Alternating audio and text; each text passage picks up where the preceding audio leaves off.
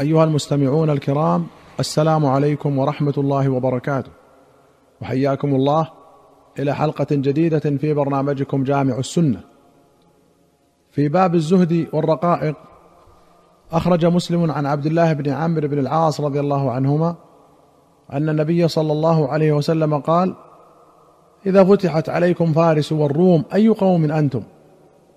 قال عبد الرحمن بن عوف نقول كما أمرنا الله عز وجل. فقال رسول الله صلى الله عليه وسلم أو غير ذلك تتنافسون ثم تتحاسدون ثم تتدابرون ثم تتباغضون أو نحو ذلك. ثم تنطلقون في مساكين المهاجرين فتجعلون بعضهم على رقاب بعض. قوله نقول كما أمرنا الله معناه نحمد الله ونشكره ونسأله المزيد من فضله. والتنافس ثم التحاسد ثم التدابر ثم التباغض هكذا تقع تباعا. يؤدي بعضها إلى بعض. وعلى هذا جاء ترتيبها في الحديث. وقوله تجعلون بعضهم على رقاب بعض أي تجعلون بعضهم أمراء على بعض.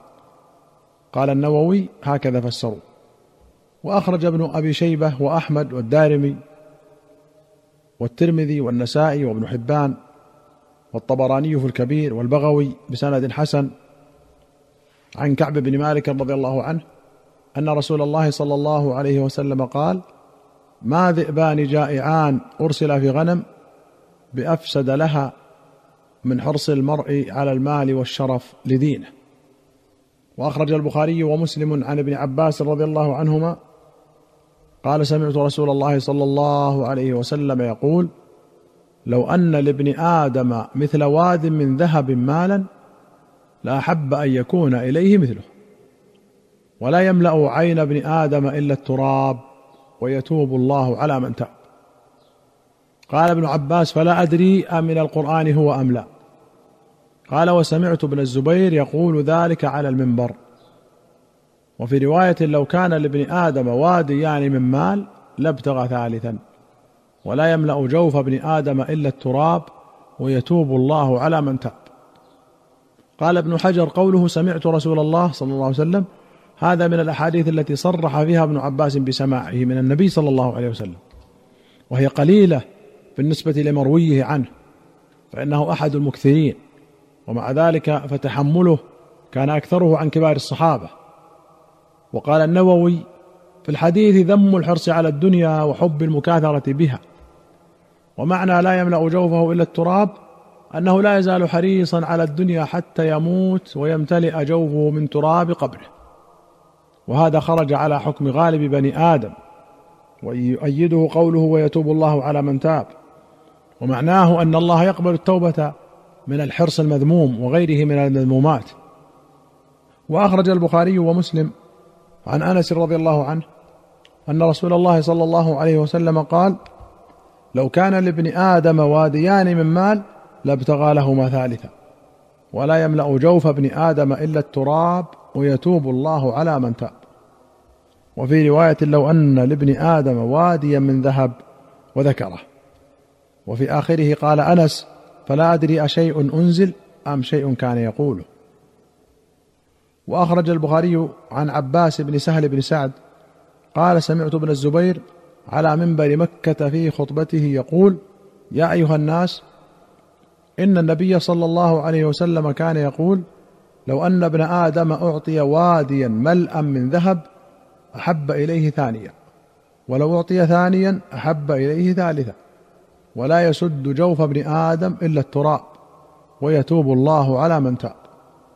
وأخرج مسلم عن أبي هريرة رضي الله عنه أن رسول الله صلى الله عليه وسلم قال يقول العبد مالي مالي وإنما له من ماله ثلاث. ما أكل فأفنى أو لبس فأبلى أو أعطى فاقتنى. وما سوى ذلك فهو ذاهب وتاركه للناس.